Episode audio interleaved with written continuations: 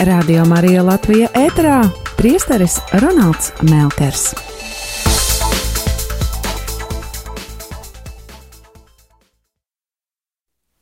No apstuļu darbiem. Ar apstuļu rokām tautā notika daudz zīmju un brīnumu. Visi vienprātīgi uzturējās kopā Salamona lievenī, un neviens no svešiniekiem neuzdrošinājās viņam piebiedroties, bet tauta viņus slavēja. Arvien vairāk pieauga vīriešu un sieviešu skaits, kas pieņēma ticību kungam, tā ka viņi iznes arī slimos uz ielām un nolika uz gultām un nestuvēm, lai kaut vai garām ejošā Pētera ēna skartu kādu no viņiem. Arī no apkārtējām pilsētām uz Jeruzālemi steidzās daudz ļaužu, nesdami slimos un nešķīsto garu mocītos, kas visi tika izdziedināti. Ļoti interesants lasījums šai svētdienai, un pirmām kārtām mums tiek parādīta ideāla kopiena, kas mums šķiet pat pārāk skaista, lai būtu patiesība. Un, jo 20 gadsimtus vēlāk, ja mēs uzlūkojam mūsu kristīgās kopienas, mūsu draugas, mēs redzam, cik tālu mēs esam no šī ideāla. Un šis nav vienīgais apraksts apstuļu darbos. Ir kopā vismaz četri, četras reizes pieminēts, kā baznīca, kā pirmbaznīca dzīvoja šo kristīgo ideālu. Un mums tas šķiet kā neaizsniedzams sapnis. Un, protams, ka tas nenozīmē, ka pirmiem kristiešiem viss bija viegli. Mums būs iespēja lasīt, kā viņiem gāja, un visu veidu grūtības, ko viņi sastapa, viņi bija cilvēki, nevis pārcilvēki. Tikai tas jautājums ir, kāpēc Lūkas šajos apakstuļu darbos mums dod šīs četras, varētu teikt, gleznas, tādas mazliet ideālistiskas gleznas, kas noteikti atbilst patiesībai, bet kāpēc viņš tik ļoti uzsver šos idylliskos skatus par baznīcu? Un droši vien, lai mūs iedrošinātu? Tiekties pēc, šā, pēc šī ideāla, dzīvot saskaņā ar baznīcas aicinājumu, ar kristiešu aicinājumu. Un ko mēs redzam, kā šāda mīlestības kopiena, kas ir izveidojusies, ka tā ir būtiska, lai labā vēsts varētu tikt pasludināta. Jo tas ir vienīgais, kam dienas beigās ir nozīme, vai labā vēsts tika pasludināta. Un tā viens šķiet, ka Lūkas šeit sasaista šīs abas lietas. Un rezultāts, ko viņš mums parāda, kas arī pašu Lūkasu droši vien patīkami pārsteidz, ir, kā baznīca aug, neskatoties uz visiem šķēršļiem, kas tā ir. Tās labās vēsts izplatīšanās ir gandrīz nenovēršama. Tā labā vēsts ir neatvairāma, tā varētu teikt. Un, ja es to vienkārši viņiem biju teicis, ja es to mums biju, kā baznīcai teicis, jūs būsiet mani liecinieki Jeruzālēmē, visā Judejā, Samarijā un līdz pat uh, zemes robežām. Un Tas ir tieši tas, ko mēs šeit redzam notiekam. Tad pirmā lieta - šī kopiena, kas dzīvo vienprātībā. Otrakārt, Lūkas piemin, un es nedomāju, ka Lūkas kaut ko pavirši savā evaņģēlijā ieliek, vai šeit gadījumā apstuļu darbos. Viņš ļoti uzmanīgs uz niansēm, un viņš saka, tas notiek Jeruzālēmē. Un, ja tas notiek Jeruzālēmē, tas nozīmē, ka Jēzus augšām celšanās ir samērā nesens notikums. Un ne tikai Jeruzālēmē, bet templī un tā vēl viņš pat precizēja, ka tas notiek tajā tā saucamajā Salamona lievenī, tāda kolonāde, nosakta liels laukums, kurā tāda kā pasāža, kur, kur, kur var iet cauri, bet te pašā laikā, kur arī var pulcēties, kur var satikties, kur var uzkavēties ēnā, un kas ir pieejama visiem. Tā nav daļa, kas būtu rezervēta jūdiem, un tas ir ļoti, tā ir būtiska nianse, jo baznīca taču būs aicināta pie, doties pie visām tautām, tad būtu pieejama visiem. Baznīca nebūs rezervārs, kā tas bija varbūt judaismā. Šī te Lūkas piezīme, ka visiem, ka viņiem viss bija kopīgs, ka viņiem bija viena sirds, un ka viņi atradās šajā Salamona lievenī, tā mums parāda, kā apstuļi, viņi arī nepārstāja apmeklēt templi. Neaizmirsīsim, ka viņi ir jūdi un viņi paliek jūdi. Un viss šis augšām celšanās notikums viņiem neatņēma jūdu ticību, tieši otrādi viņi jūt, ka tā viņu ticība ir kļuvusi vēl stiprāka, jo tagad visam ir jēga, visi šie apsolījumi ir piepildījušies Jēzū. Viņi ir uh, atklājuši, ka Jēzus ir Mesija, un kā jūdiem tas ir kā tāds noslēgums, kā tāds piepildījums viņu ticībai. Un tomēr, vai ne pat ja viņi ir jūdi, un viņu reliģija, reliģiskās darbības līdzīgas, viņi iet uz templi, tomēr jau kaut kur parādās plaisa starp jūdaismu un kristietību neuzdrošinās viņiem piebiedroties. Jo, ja tu piebiedrojies šai kopienai, tev ir jāatzīst, ka Jēzus ir Kristus, tātad Jēzus ir Mesija. Un tā ir arī ļoti svarīga lieta.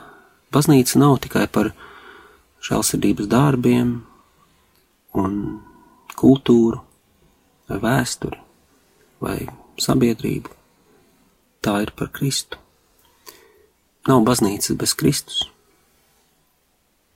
Evanģēlīja vēsts ir par Jēzu Kristu, un tie, kas pievienojas šai kopienai vai vēlas tai pievienoties, agrāk vai vēlāk, parasti agrāk, tiek konfrontēti ar šo jautājumu, kas tev ir Kristus. Un tur parādās tā plājas, ja viņi neatzīst Jēzu par Kristu, par Mesiju. Viņi sāk baznīcu uzskatīt par sektu, sāk jau attālināties no šīs kopienas. Tad mēs redzam, cik, cik viņi ir skaidri to pasludinājuši, jo tie jūdi, kas to nepieņem, jau sāk ievērot distanci. Un tas kaut kur patiesībā ir labi, jo varbūt, ja tas nebūtu noticis, baznīca joprojām būtu Jeruzalemē un lasītu uh, tos jēzus vārdus par to, ka jūs būsiet man liecinieki līdz zemes robežām, kā tādu nākotnes apsolījumu. Tālāk trešā lieta uh, šodienas tekstā, mums vai šīs svētdienas tekstā, ir tā paralēle, kas, ko, ko Lūkas novelk starp Jēzus sludināšanu un apustuļu sludināšanu. Tad par apstuļiem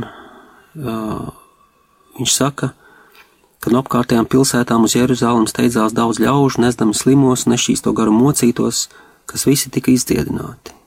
Vai sākumā ar apstuļu rokām tautā notika daudz zīmju un brīnumu. Tas pats Lūkas raksta par Jēzu, viņš saka, norietot saulē, visi, kam bija slimie, visu veidu slimie, jā, viņi tos atnesa pie Jēzus. Jēzus uzlika tiem rokas katram no viņiem un tos dziedināja. Un arī ļaunie gari lielā skaitā izgāja no cilvēkiem. Pravietis izsais, kad viņš runā par šo nākotnes mesiju, ko viņš pasludina, viņš saka tieši tāpat, kas būs mesija zīme. Aklie, aklu acis redzēs, kurlo ausis dzirdēs, atvērsies. Tad klibais lēkās kā briedis, un mēmā mute sauks no prieka. Tāpat arī Jānis Kristītājs, kad viņš aizsūta savus mācekļus pie Jēzus, Jēzus viņam dod atbildi. Jautājums ir, vai tu esi mesija, vai jums jāgaida kāds cits? Jēzus saka, ejiet, pasakiet Jānim, ka, ko jūs redzat, ko jūs redzējāt, ko jūs dzirdējāt. Aklie redz, klibie iet taisni, spitālīgie ir tīri, kurlie dzird, mirušie ceļās augšā, un nabagiem tiek pasludināta labā vēsts. Tad nepārprotami šīs zīmes, kas pavada sludināšanu, ir būtiskas Jēzus misijā, un tas, ko Lūkas šeit parāda, ka nemainīgi ja mēs esam Jēzus baznīca, kuras uzdevums turpināt Jēzus darbu, tas arī piederās baznīcai.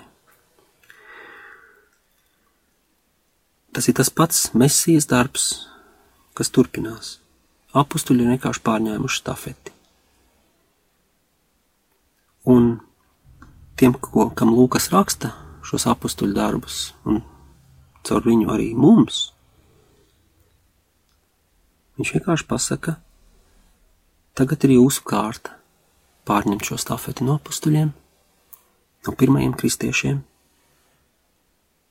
Kristus ar jums rēķinās. Un pateicoties šai liecībai, arvien vairāk pieauga vīriešu un sieviešu skaits, kas pieņēma ticību kungam.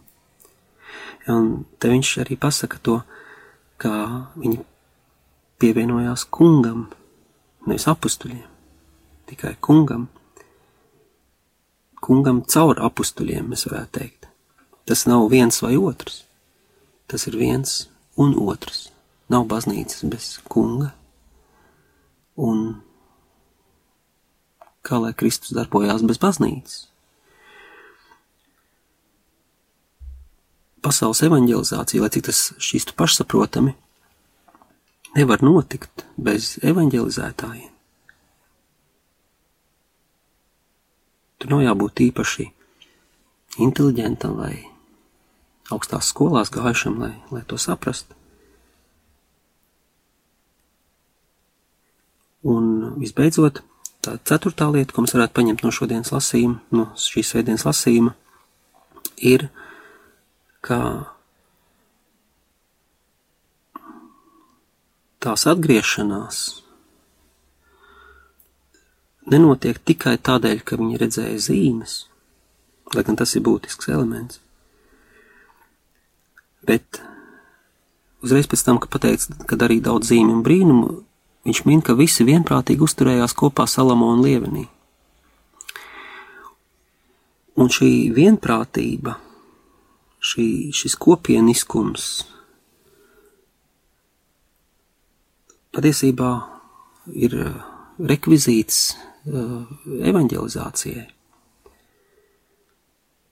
Tas, ka viņiem ir viena sirds un viena dvēsele, tas ir absolūti būtiski, lai labā vēsts varētu tikt pasludināta, lai cilvēki varētu viņiem pievienoties.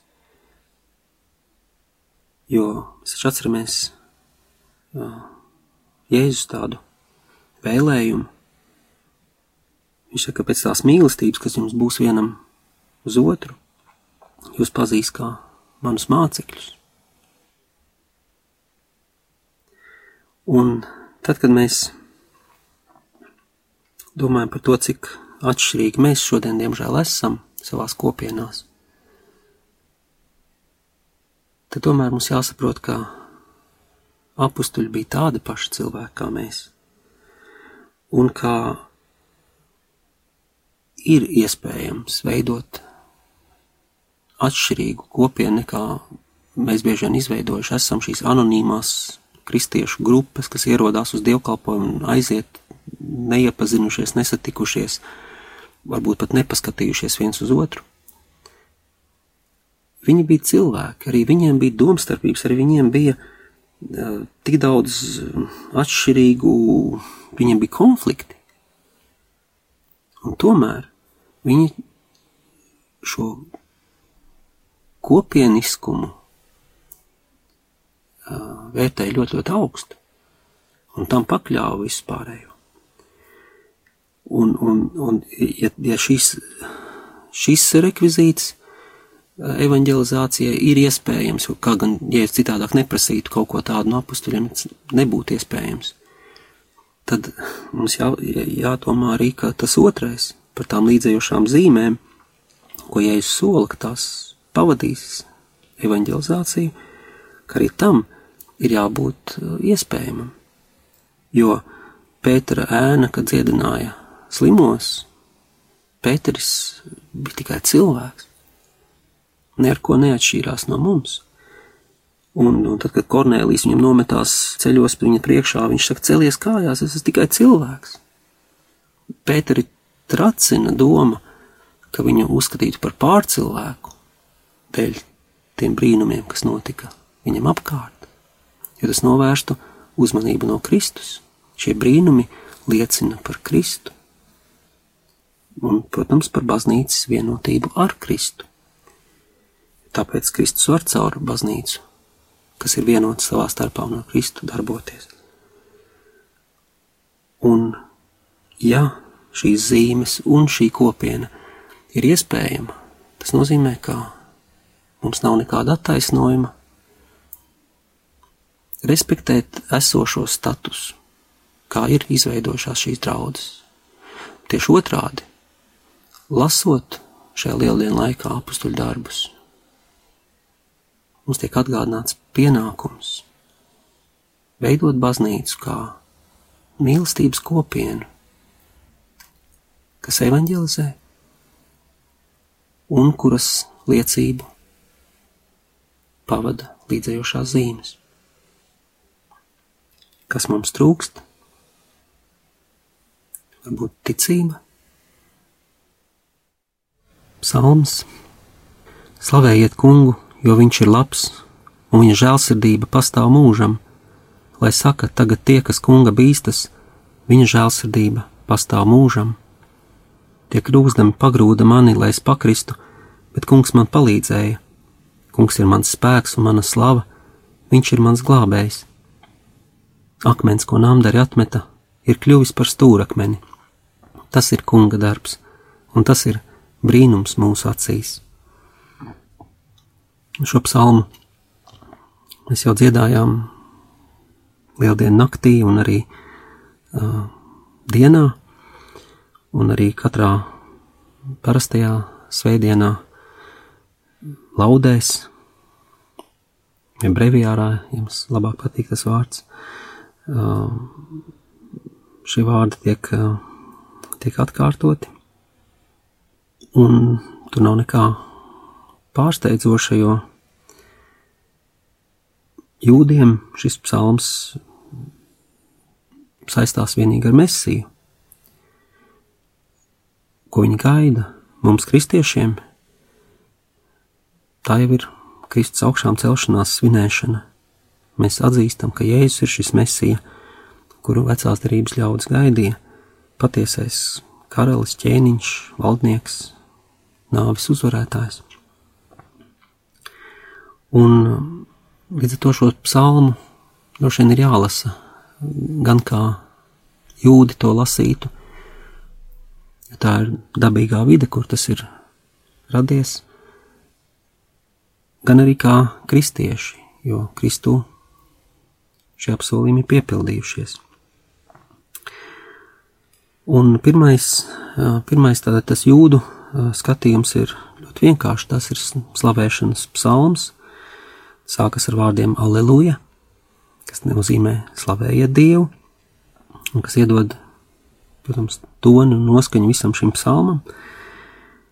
Un pēc tam ir šajos 29 9 pantos, no kuriem mēs tikai dažus šo svētdienu lasīsim, ir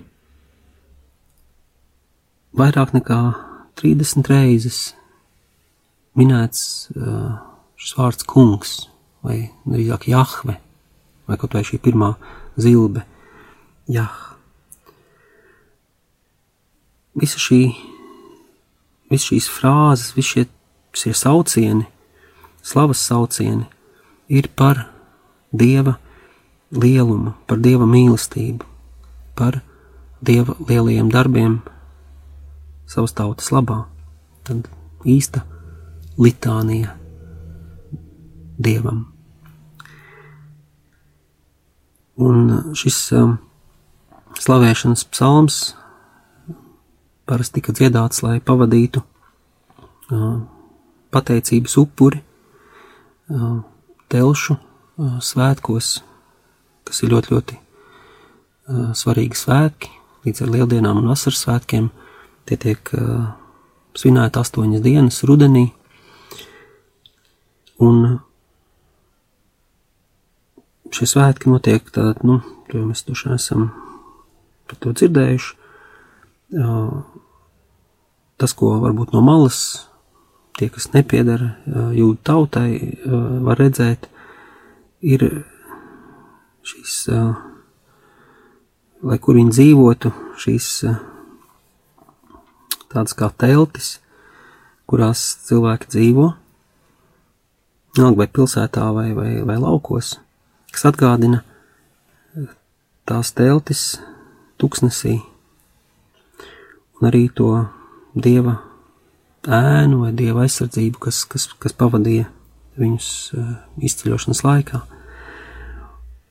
Un savukārt tas, kas notiek templī iekšā, visas šīs dažādās liturģiskās darbības, tur tam kopējais mērķis ir derības atjaunošana.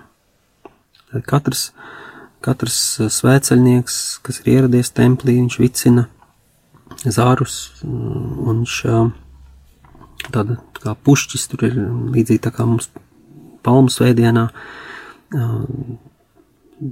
Mēs tur tajā pušķi ietinam, es šodien šogad redzēju papardas ziedu pat ietītu un, un pūpolus un, un kādu palmas zaru vai olīvu zaru, bet nu, viņiem tur ir, tur parasti ir tas nu, palmas zariņš, tur ir mirtas, tur ir vītola zariņš, tāds maz tā kā citroniņš klāt, un, vai citronu koka zariņš drīzāk, un zināmu to liturgisko brīžu, tajos liturgiskajos brīžos, viņi dodas tādā kā procesijā apkārt altārim, vicina šos zarus un dzied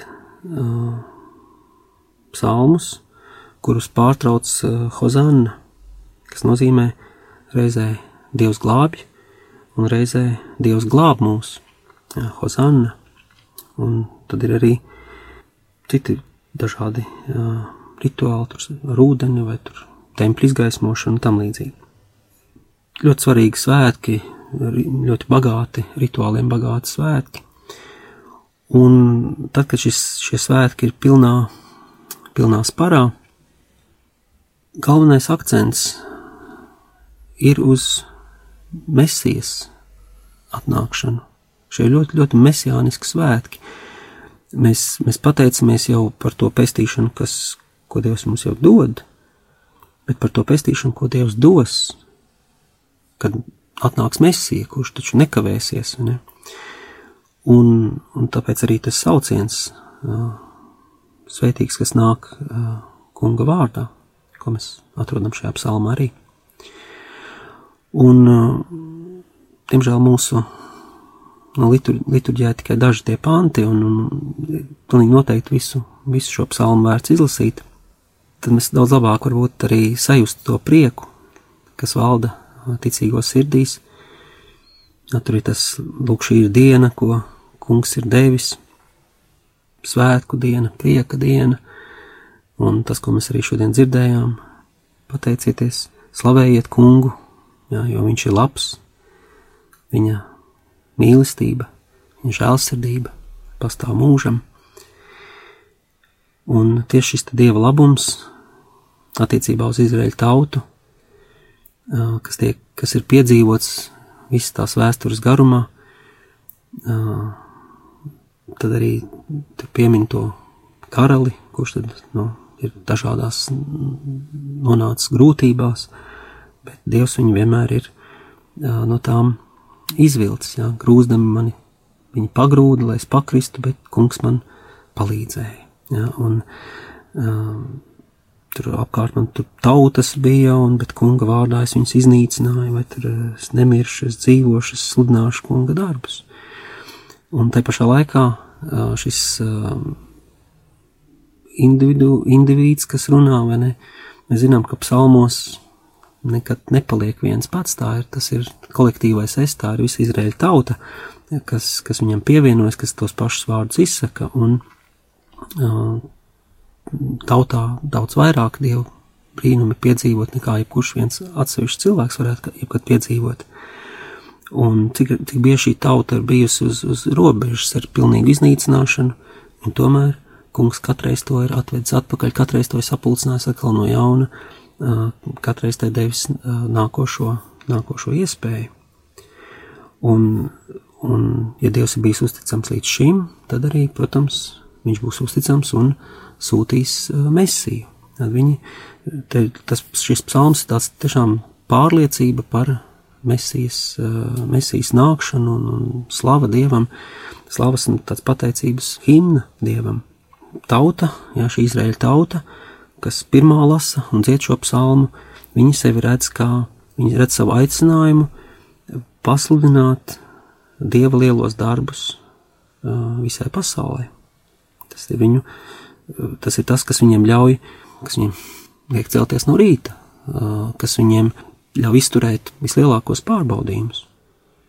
Es izdzīvošu, lai liecinātu par kungu, mēs izdzīvosim, lai, lai liecinātu par kunga darbiem.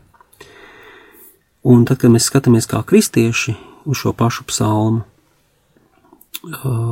protams, kā mums ir līdzības starp ka pirmā, kas, kas uzkrītoši ir līdzība starp šiem telšu svētkiem un svētdienu pirms lieldienām, palmu svētdienu, vai kā mēs Latvijā saucam pūpolu svētdienu kaut kādiem es ne. Un Jēzus triumfālā ieiešana Jeruzālēmē, zāri, palmu zāri, šī uzgavilēsim kungam, Hozanna, tas, protams, sasaucās ar šo palmu svētdienu, bet pilnīgi noteikti arī ar, un galvenokārt, visticamāk, mūsu gadījumā ar lieldienu rītu. Jo tieši lieldienu rītā Kristus pieceļās kā karalis, kas ir uzvarējis. Un, un evaņģēlisti viņi katrs savā veidā kaut kā tieši parādīs, ka Jēzus ir īsts uh, valdnieks. Ja Matejs, ja viņš, uh, kad mēs pēc uh, Ziemassvētkiem svinējām to zvaigznes dienu, 6. janvārī, mēs redzam, kā viņš ļoti skaisti ar to visu notikumu parāda. Ne, tur stāsts, ko kurš atnesa un tā. Tur viss tās, protams, nozīmes tur ir un vērtīgs un tā, bet, bet tas, ko viņš galvenais parāda, ka īstais ķēniņš nav, nav Herods, tas, ko visi uzskata par ķēniņu, ka Jēzus ir īstais ķēniņš, ka viņš ir īstais valdnieks. Ja mēs paņemam Jāni, kad, teiksim, šajā viņa pasijā, ko mēs lasījām lielajā piekdienā, sarunā Pilātu. Jā, viss šis, vai tu esi jūdu ķēniņš? Pilāts pat par to ir tik pārliecināts, ka viņš uzliek uzrakstu. Viņš ir jūdu ķēniņš.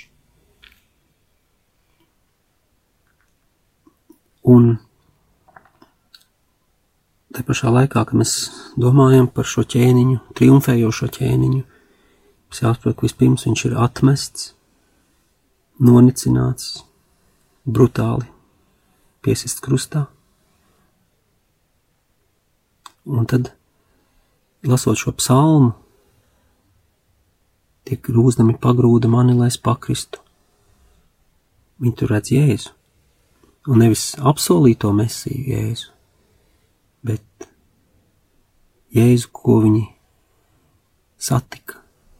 Jēzu, kurš, jā, viņš pakrita. Mēs zinām, krustceļā trīs reizes pakrita, bet kungs man palīdzēja. Un akmens, ko Nāmdara atmeta, tagad ir kļuvis par, par stūrakmeni. Un tā ir tā, tā lielā, lielā atklāsme, ja, kad mēs kā kristieši lasām šo psalmu, cik jūdi dabiski to attiecināja uz mesiju, kas nāks, mēs attiecinām uz to pašu mesiju, tikai kurš jau ir atnācis, un viss šīs detaļas pārsteidzošā kārtā ir savās vietās. Un tautas atmests, viņš kļūst par stūrakmeni jaunajam Izrēlim, šai jaunajai dieva celtnē, kas ir baznīca jaunai dieva tautai. Tiešām tas, kurš nāk kunga vārdā, sveitīgs, kas nāk kunga vārdā, tanī brīdī, kad jūdi paceļ palmu zarus un klāj savas drēbes, Jēzum iejāt Jeruzalemē. Viņi droši vien paši ir pārsteigti, cik viegli šis psalms plūst no viņu sirdīm. Psalms, ko viņi visu savu mūžu ir neskaitāmas reizes atkārtojuši. Un tā kā tas tika parasti dziedāts, tad, kad tika salikts pateicības upuris Jeruzālēmē, tad neaizmirsīsim, ka Jēzus ir salicis šo vislielāko slavas un pateicības upuri kāds var būt. Un varbūt tieši tāpēc arī šis psalms tik bieži mūs pavada baznīcas liturģijā, īpašajā lieldienu laikā, īpaši svētdienās. Jo viņš ir jaunais Izrēls, kas pateicas Dievam savam tēvam. Un visa viņa attieksme pret tēvu ir tikai un vienīgi slava un pateicība. Un viņš caur to, caur šo savu upuri, viņš iedibina jauno, noslēdz jauno derību savās asinīs. Un tagad visas cilvēces atbilde uz šo neaptveramo Dieva mīlestību, kas mums deva Jēzu, ir un varbūt vienīgi mīlestība. Mēs ar mīlestību un tikai mīlestību varam atbildēt uz Dieva tēva bezgalīgo mīlestību. Turpmākajās sešās svētdienās mēs kā otro lasījumu lasīsim fragmentus no Jāņa atklāsmes grāmatas. Un tā ir ļoti lieliska iespēja kas mums tiek dota, iepazīties ar vienu no skaistākajiem svēto rakstu tekstiem, grūtu tekstu, kam ir grūti piekļūt, jā, mums ir vajadzīgs pielikt piepūli, jā, lai to sāktu saprast, lai ieiet šajā formātā, bet tā balva ir, ir tā vērta. Un lēnā garā, nedēļa pēc nedēļas, mēs uh, mēģināsim šo grāmatu atvērt, atslēgt, tā varētu teikt. Un šodien ir, no šajā svētdienā mums ir pirmais kontakts, pirmā tikšanās ar šo apakalipsi, un vārds apakalipse grieķu valodā nozīmē to pašu, ko atklāsme latviešu valodā, burtiski atklāt, noņemt pārsegu, jā, tad kaut ko, ko mēs neredzam, tagad tas kļūst redzams. Un, protams, tāpēc arī tur ir šīs vīzijas un, un vārds redzēt, ja mēs dažos teikumos piecas reizes redzam vārdu redzēt. Tas ir nu, par to, lai mēs skatāmies, lai mēs ieskatāmies, lai mēs sākam redzēt. Un, diemžēl, šis skaistais vārds apakalipse mums asociējās ar kaut ko briesmīgu. Nu, Holivuda noteikti ir pie tā lielā mērā atbildīga. Visa šīs postapokaliptiskās uh, filmas, uh, kas runā par kaut ko pēc, piemēram, Trešā pasaules kara vai pēc kaut kāda tur katastrofas vai pēc, nezinu, citplanētiešu iebrukuma vai kaut kas tam līdzīgs, vai ne?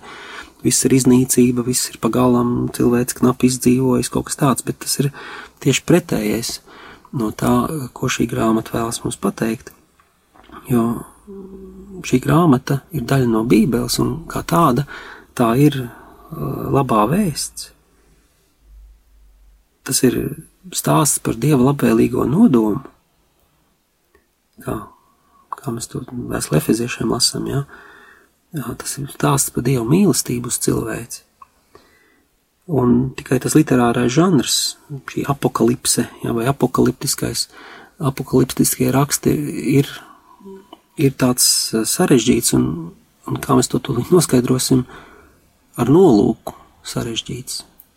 Tas tiek rakstīts, lai saturu varētu saprast tie, kuriem tas ir jāsaprot. Saturs paliek tas pats - dieva mīlestība un dieva uzvara pār jebkuru spēku, jebkuru pārspēku, jebkuru valdību, jebkuru pat nāvi. Ja tā saturs ir nepārprotams, bet tā forma, tas ir mazliet, mazliet, mazliet grūti, un tāpēc arī mazliet vēl pakavējamies pie šī. Kāpēc, kāpēc grūti, kāpēc viss šīs vīzijas? Tāpēc, ka, ja būtu tik, tik vienkārši, varētu skaidri un gaiši pateikt, bet tieši nevar skaidri un gaiši pateikt, jo atcerēsimies, ka baznīca laikā, kad šis, šī grāmata tiek rakstīta, ir vajāšana laikā. Šīs vēl nav lielākās vajāšanas, jo Domiciāns skaidrs, ka viņš viņa laikā šīs vajāšanas ir, un no šiem vietējie valdnieki izceļās ar kaut kādām entuziastiskām kristiešu vajāšanām, tāpēc arī šajā grāmatā būs pie, pieminēti mocekļi. Tas ir kaut kas reāls, tā nav tikai tāda negatīva attieksme, tur vai kāds tur kaut ko televīzijā iekomentē pret kristiešiem, bet tā ir reāli zaudē, kristieši zaudē dzīvību, palikt tam uzticīgi Kristum, ja.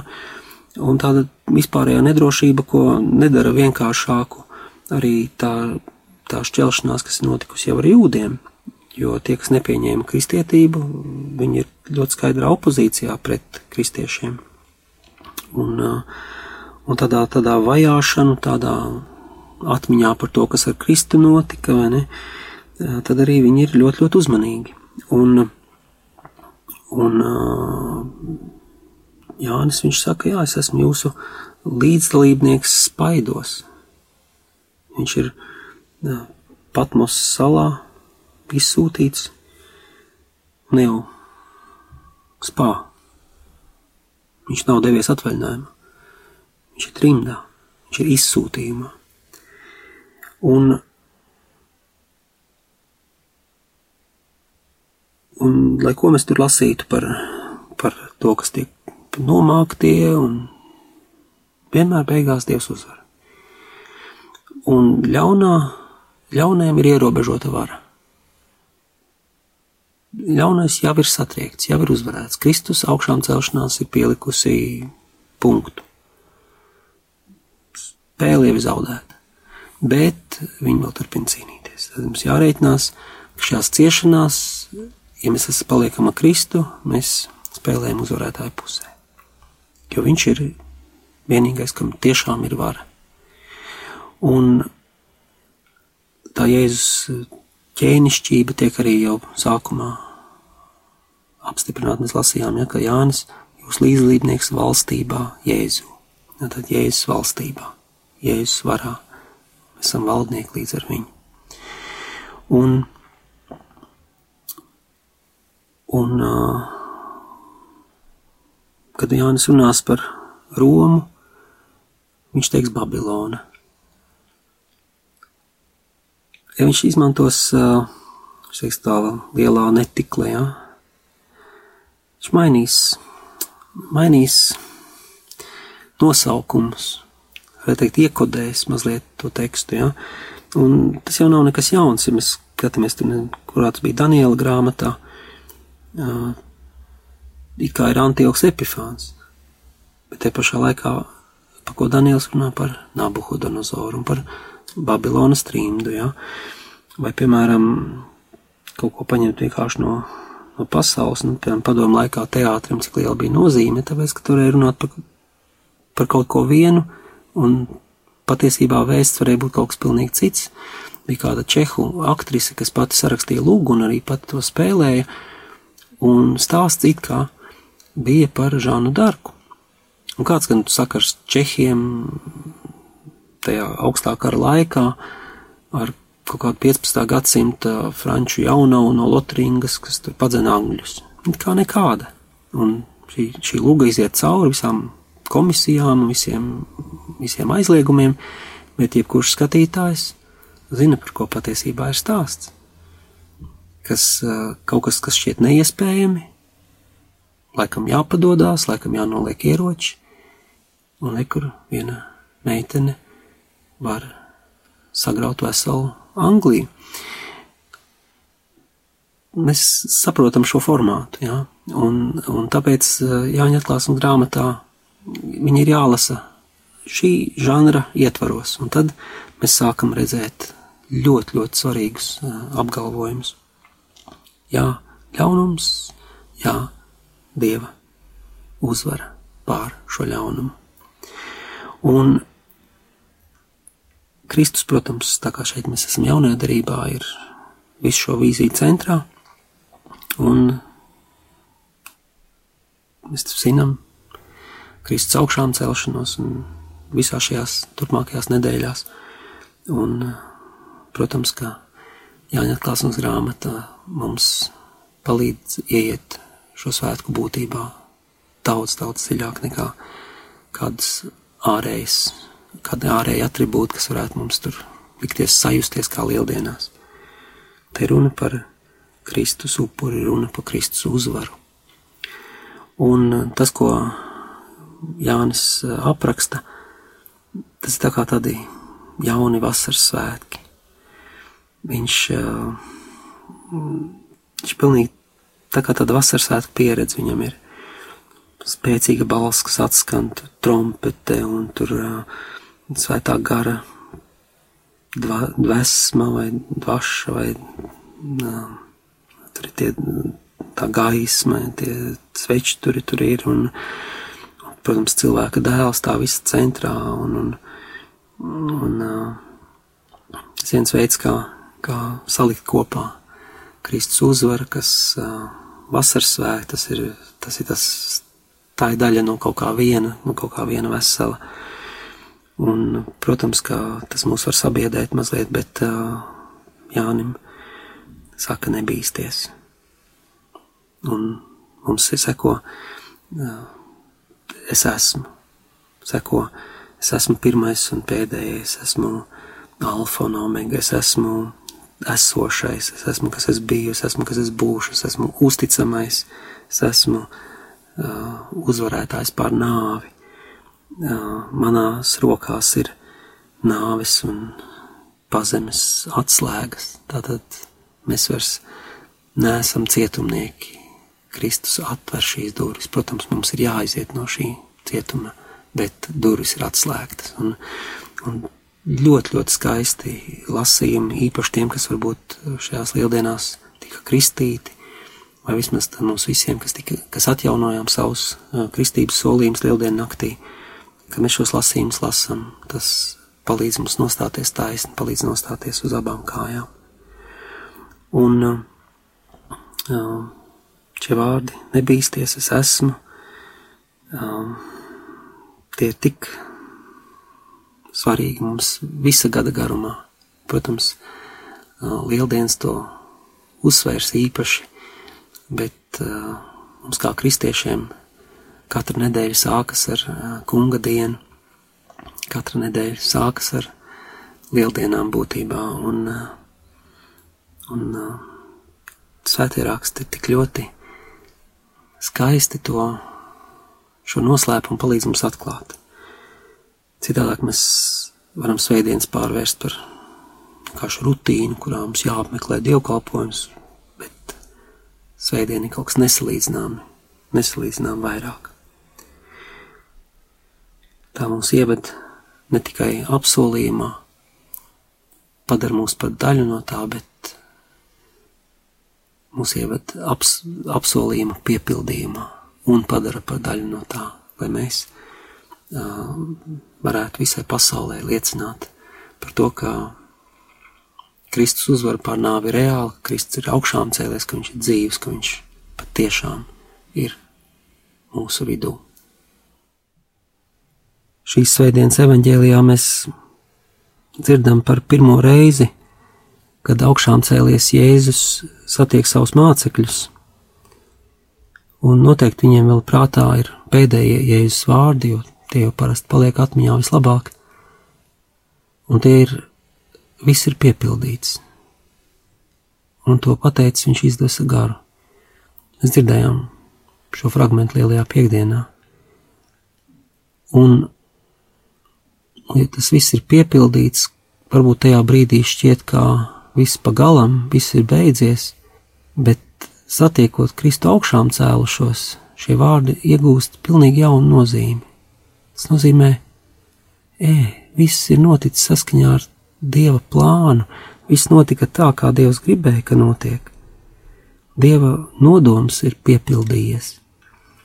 Un, protams, kā prieks un miers burtiski pārpilda šo mācekļu sirdis. Un jau velti Jānis vienmēr uzsver šīs vietas un laikus, un šeit viņš min Jeruzālemi kā to vietu, kurā tas notiek, un Tur ir šalom tajā vārdā iekšā, tā ir miera pilsēta, tā ir pilsēta, kurā mieru var pasludināt un, un piedzīvot un dāvāt. Tas ir miers, kas rada, miers, kas um, dziedina, īsts dieva miers, pārdabisks miers. Un raugoties uh, uz Jeruzālēmu šodien, kāds tur miers? tā šķiet kā utopija vispār šajā pasaulē. Uh, Miss Amerika vienkārši var teikt, ka viņi vēlas mieru pasaulē. Tas šķiet neiespējami. Un tomēr mums ir tik būtiski, lai mēs ticētu mieram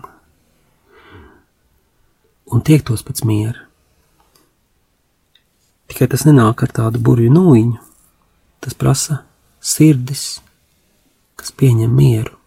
Tāpēc, ja es vārdu miers jums izskan šodien arī mūsu ausīs un cerams mūsu sirdīs, nomierinies, pieņem Dieva mieru.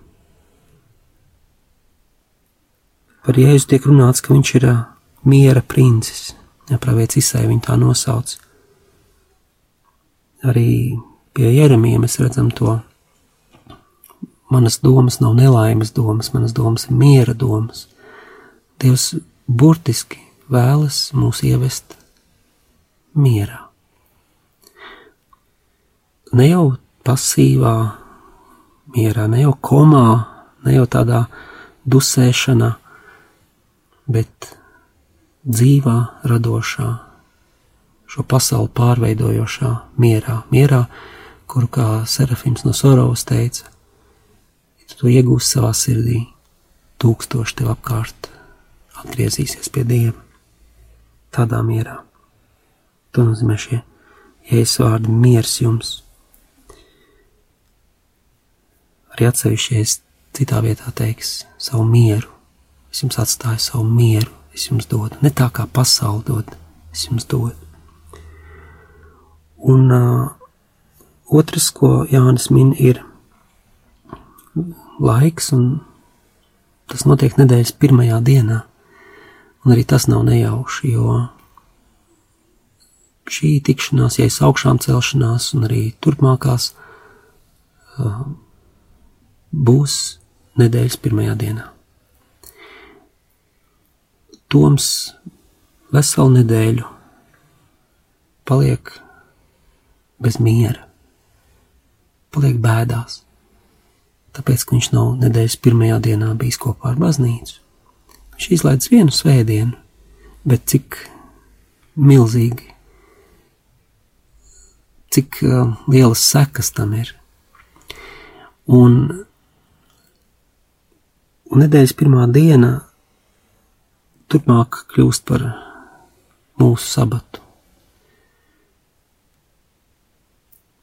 Mēs sākam laiku skaitīt ar svētdienu. Pat ir latviešu valodā mums mazliet neveiksmīgi. Nedēļas otro dienu mēs saucam par pirmdienu un tā tālāk, bet mēs vismaz svētdienu saucam par svētu dienu. Krievu valodā vaskriseņie to pavisam lieliski norāda uz, uz augšām celšanos, pat arī citās valodās, kā piemēram Franciska Dimonša, tas ir, tas nāk no tā Diez Domenika, kunga diena.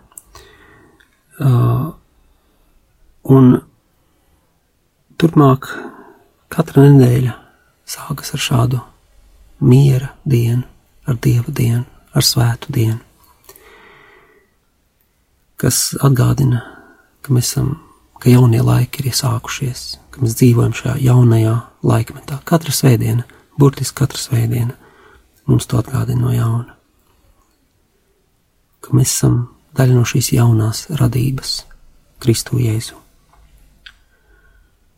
Un tā kā Jānis raksta savu evaņģēliju, varbūt gadus 50 pēc šiem notikumiem, un, protams, kristieši jau svētdienas ievērotāji, diena, kad kristīgā baznīca sapulcējas, tad iespējams, ka jau pa tām pāris paudzēm kāds arī ir sācis aizmirst.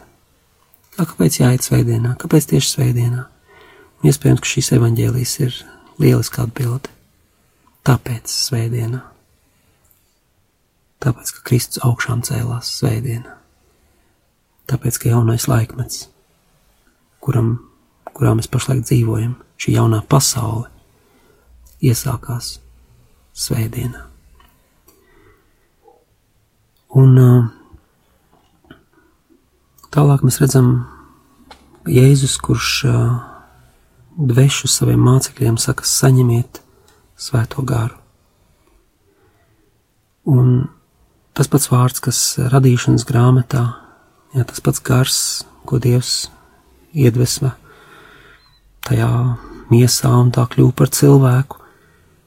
Šī dzīvības dvaša, ar ko tika iesākta būtībā cilvēces vēsture, ar to arī iesākās šī jaunā, šis jaunais laikmets, baznīcas vēsture, jaunā cilvēka laikmets. Un uh, eharistiskajā lūkšanā, ceturtajā tajā kanonā, runājot par svēto garu.